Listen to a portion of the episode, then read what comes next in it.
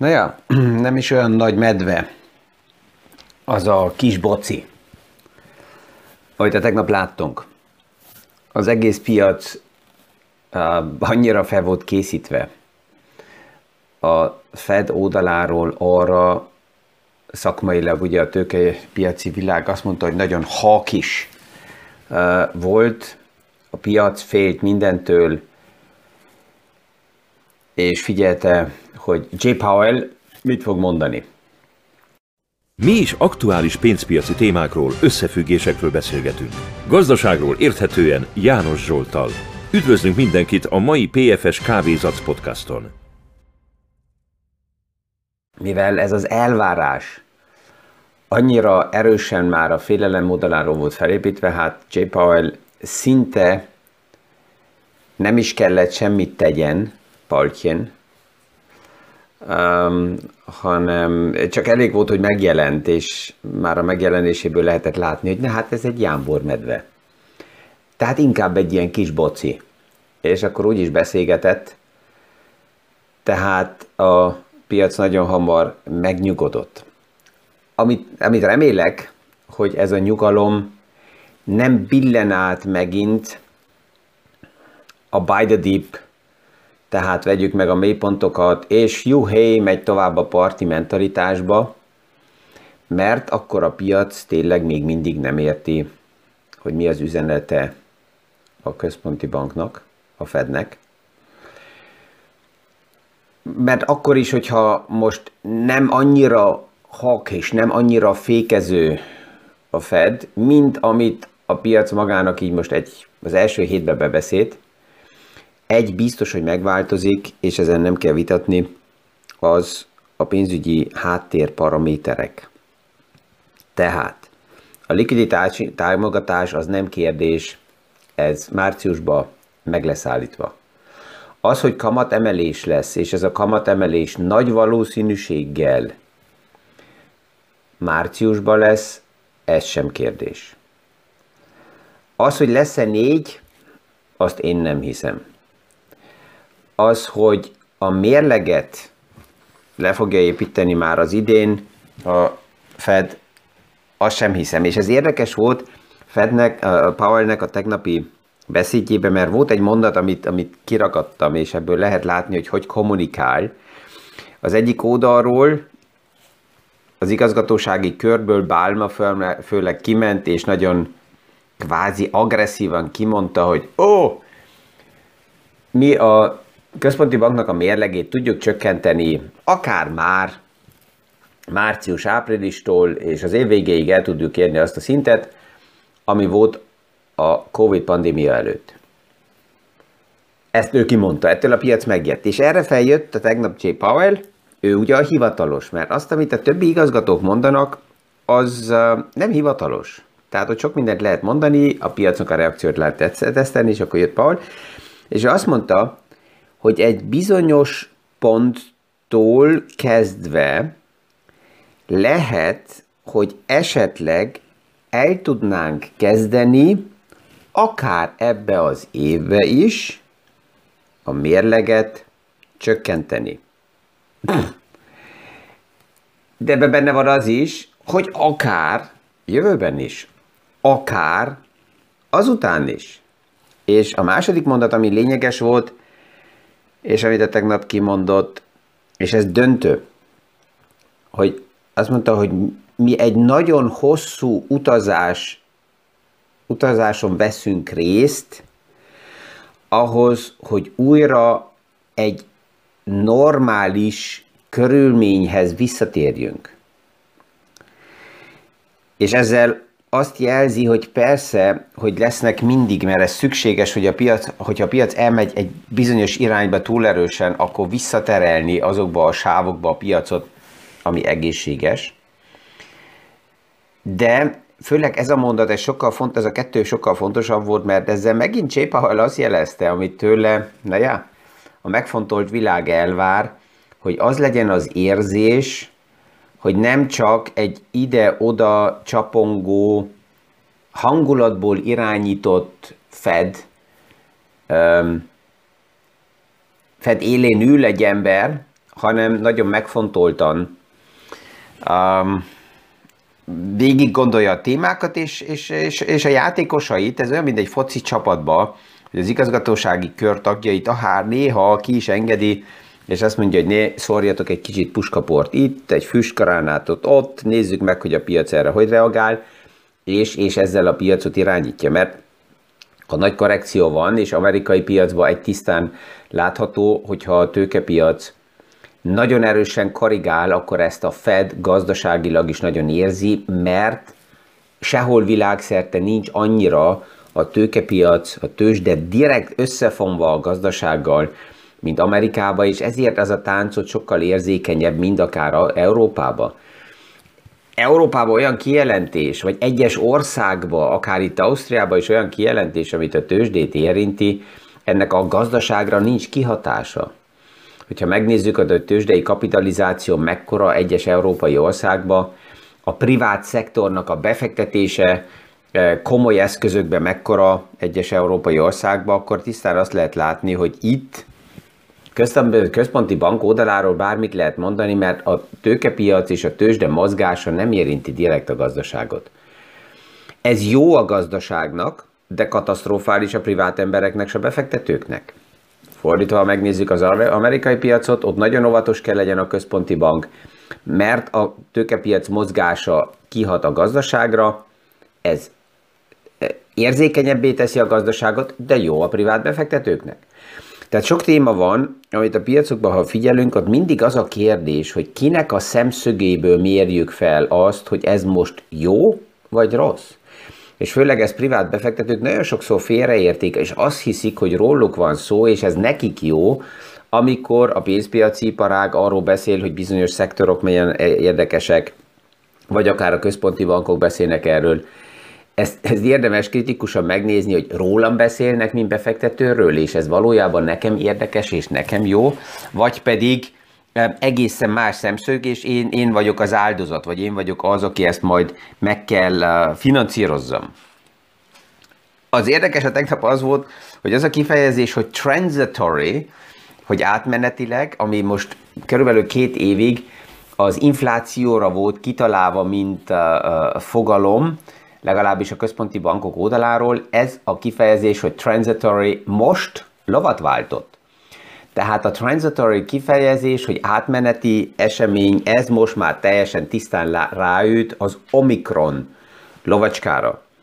És ezen a héten nagyon sok piacban látható az, hogy, hogy a peak, a csúcspontokat éri el az Omikron fertőzési hulláma, egy olyan két-három héttel ezelőtt egy olyan csártról beszélgettem, amelyet egy alapkezelő, de ez hónap-hónap után lehet, hogy még egyszer kézbe veszem, um, állított össze, és Kalánovics is erről már beszélgetett, hogy a Wall Street, a tőkepiac körülbelül ilyen két héttel előre szaladóan a peak, a csúcspontokat már beáraszta, és ezt, ezt figyeljük így olyan körülbelül másfél-két éve, mióta a Covid pandémiával eh, konfrontálódva vagyunk, és eh, hasonló történt most is, nem kell ahhoz virológus legyek, én csak, azokat a számokat, azokat a tényeket uh, veszem kézbe, ami történik a tőkepiacon, és ebből látva, tehát a tőkepiac pillanatnyilag azt jelzi,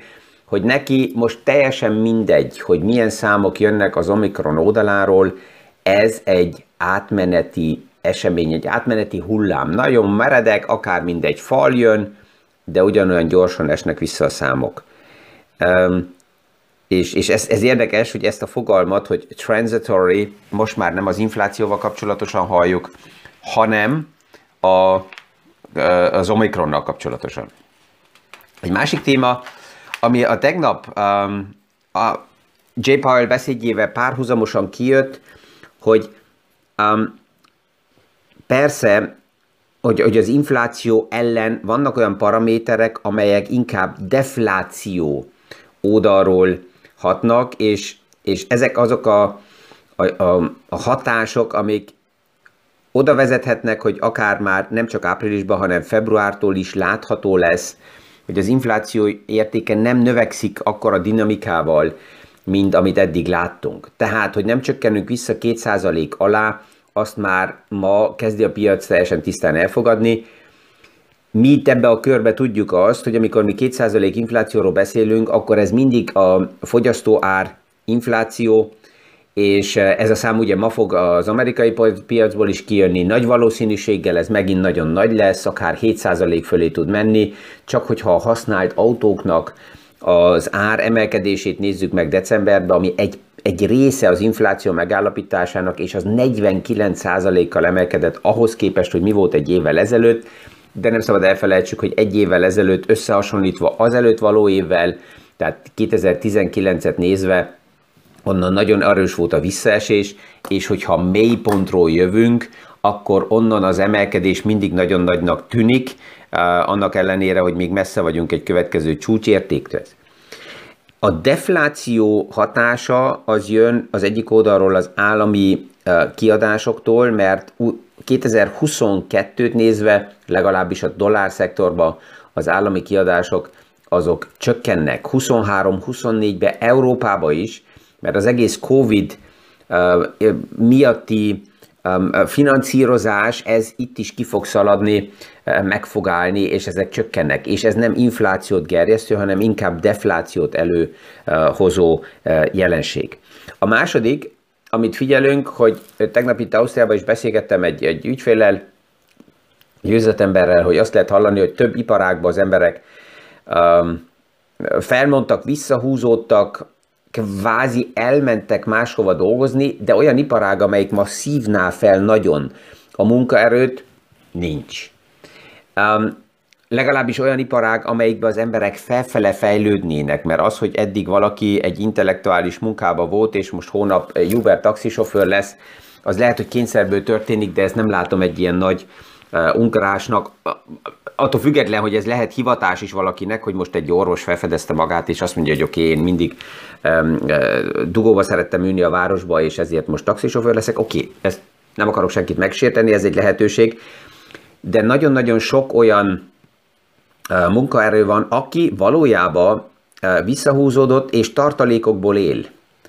De ez is látható, felmérések mutatják azt, hogy ezek a megtakarítások, ezek a tartalékok, amik képződtek akár a Covid miatt is, mert nem volt lehetőség annyit költekezni, ezért több pénzt megsporoltak az emberek, ezek a tartalékokat is felélik, ezek a csoportok, és azután újra rendelkezésre állnak a munkapiacon, ami azt jelenti, hogy a bérinfláció az lefele nyomásra kerül, tehát hogyha megint nagyobb a munkaerő a rendelkezésre álló, akkor a béreket nem kell emelni.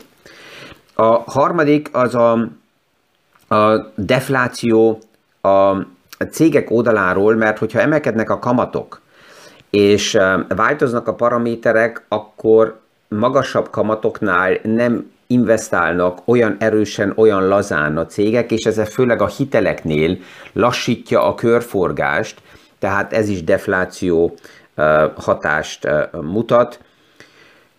A beszállítási láncok problémái azok egyre több oldalról szűnnek meg. Csak hogyha vesszük a tegnap a, a Volkswagen jelentését, ott ha, ki lett jelentve, hogy ne, nem fél Volkswagen világszerte az inflációtól, mert látja, hogy a beszállítási láncok normalizálódnak, és a másik lényeges jelentés, hogy ők az, az ők hatáskörükbe az úgynevezett bérinflációt nem látják. Tehát azt a problémát, hogy nem találnának munkaerőt a gyáraknál és azokban az országokban, ahol a Volkswagen gyártó szallagai vannak, azt nem látják, inkább bárólisták vannak tovább is, tehát sokkal több munkaerő áll rendelkezésre, mint amennyire szükség van, tehát itt uh, bérinflációt nem lát a Volkswagen. És ez egy, egy elég lényeges uh, kijelentés, ugye főleg az inflációval kapcsolatosan, nézve. Tehát a, a nagy-nagy medve, amitől félt a piac, vagy amit magának bebeszélt a piac, hogy ez most meg fog jelenni, és nagyon hawk is fog lenni J. Powell, ez a tegnap nem történt meg. Hónap fogjuk hallani a Fice um, igazgatóját, Reynoldsot a, a Fettől, és hát ő is mit mondjon? Azt mondja, hogy wow, 8 uh, kamatemelés lesz tehát ez már nincs. A döntő, és ez fontos, hogy csak remélni lehet az, de ez is hetek kérdése, ami kialakul, hogy a nagyon erősen spekulatív tőke az nem billen túl gyorsan vissza parti hangulatba, és hajtja felfele az árfolyamokat, de hát ugye a tőkepiac az nem egy kívánságkoncert, az a tömegek mozgása, és most már az elmúlt években látjuk azt, hogy egyre nagyobb és nagyobb olyan tömeg is megjelenik a tőkepiacon, amelyiknek nagyon nagy a tehetetlensége, mozdít árfolyamokat ide-oda, de, és ez nagyon erősen tudja a momentum mozgásokat a piacon lendíteni, de nem intellektuálisan kezeli a helyzetet, hanem hát, ha van parti, akkor ünnepel, hogy ennek majd valamikor rossz lehet a vége, azt nem nagyon figyeli, és ezért a felügyeleteknek a szerepe véleményem szerint ebből a szemszögből újra tovább növekszik. Um, és ez azért is fontos, mert érkezik olyan kérdés is, hogy pff, hogy lehet, hogy, hogy mit tudom, ez a bizonyos iparág, amelyik szükséges és amelyik egészséges, hogy annak az árfolyama csökken. Hát egyszerűen ezt úgy hívják, hogy momentum, tehetetlenség. Amikor a piac egy ilyen irányba elindul, akkor, akkor nem a tények számítanak, hanem akkor a tehetetlenség viszi egy darabig, meddig? Hát addig, amíg a hangulat kritikus tömegbe megint billen más irányba, és akkor elmegy felfele.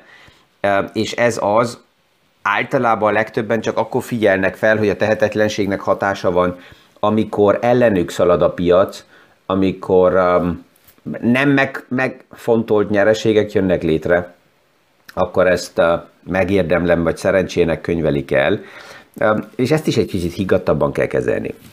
A mai 5 perc a, a podcastból még ki akarok venni egy olyan témát, amit lehet, hogy nem tudom majd befejezni, de, de egy picit belemegyek, mert ez azt mutatja, hogy a tegnap kiszivárgott egy olyan jelentés, eh, kijelentés a piacba, amelyik mutatja azt, hogy mennyire gyorsan és a háttérben radikálisan zajlik tovább az egész pénzpiaci világnak a transformációja, és azok, akik még mindig könnyes szemekkel várják vissza azt az időt, hogy legyen a, a kvázi normális e, e, idők, mint 10-20-30 évvel ezelőtt, ahol bemegyek a bankba, és ott valamilyen termékeket kapok, és nem kell semmivel foglalkozni, és nyugodt a világ, hogy, hogy ez never ever, ez, ez nem jön vissza, és hogy ez miért transformálódik ennyire erősen, erre vagyonkezelőkkel beszélgettünk erről, és a magyarázat nagyon-nagyon egyszerű.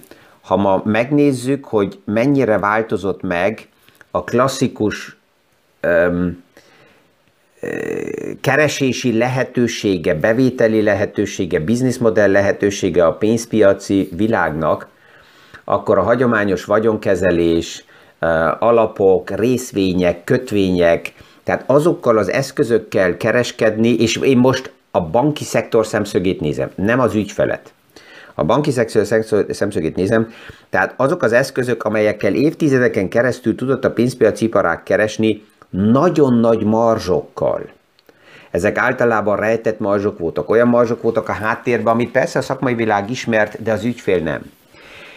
Ezek nagyon lecsökkentek. A szabályzó kinyitott mindent. Ma transzparensen lehet látni, hogy melyik pénzügyi terméke milyen költségek vannak, ki van benne. Kiszorul az egész back office, sales csapat, mert hát miért? Az ügyfél látja azt, hogy az egész költség struktúrába az, aki ott botladozva, ott nála eladott valamilyen terméket, az mekkora költség, költséget okozott neki, és a kompetens tanácsadók, azok pedig nagyon transzparensen ki kell menjenek a kirakatba, és igenis saját magukat be kell árazzák. Tehát olyan szolgáltatást kell nyújtsanak, hogy az ügyfél azt mondja, hogy igen, ez nekem megéri, hogy te itt vagy.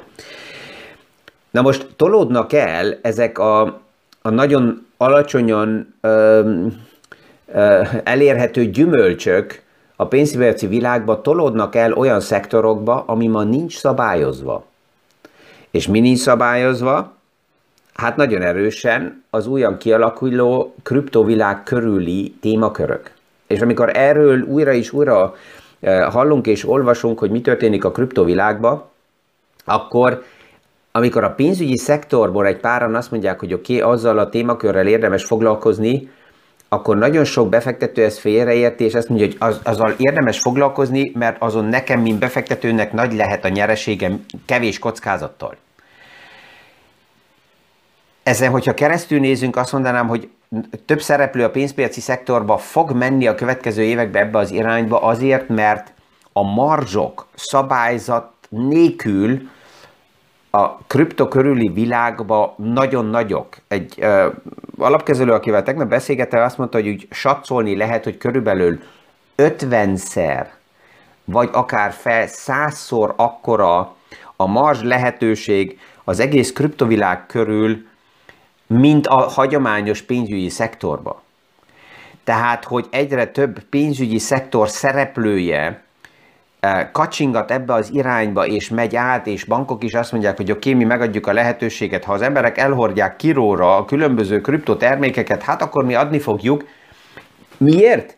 Azért, mert ezeken a termékeken 50, 60, 70 szer annyit tudunk keresni, mint a hagyományos pénzpiaci termékeknél, nagy szabályzás nélkül, nagy dokumentáció nélkül, és itt persze, hogy a szabályzó ez nem fogja míg a világ nézni, hanem ezt, ezt le fogja ugyanúgy szabályozni és transzparensíteni ezt a témakört is, de, de, de ez is benne van nagy-nagy uh, transformációba.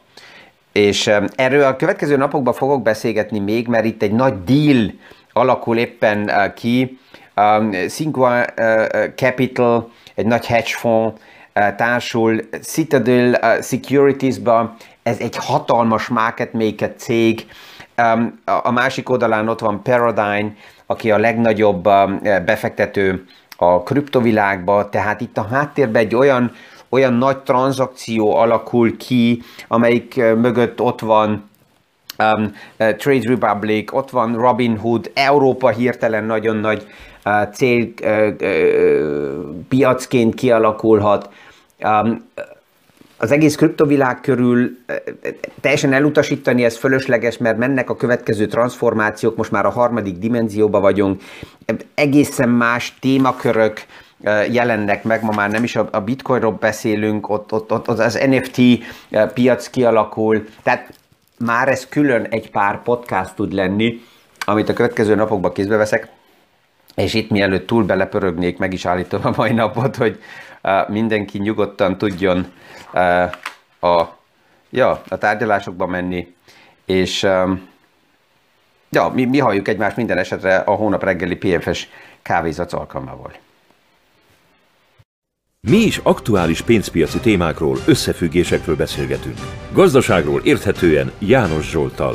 Üdvözlünk mindenkit a mai PFS Kávézac podcaston!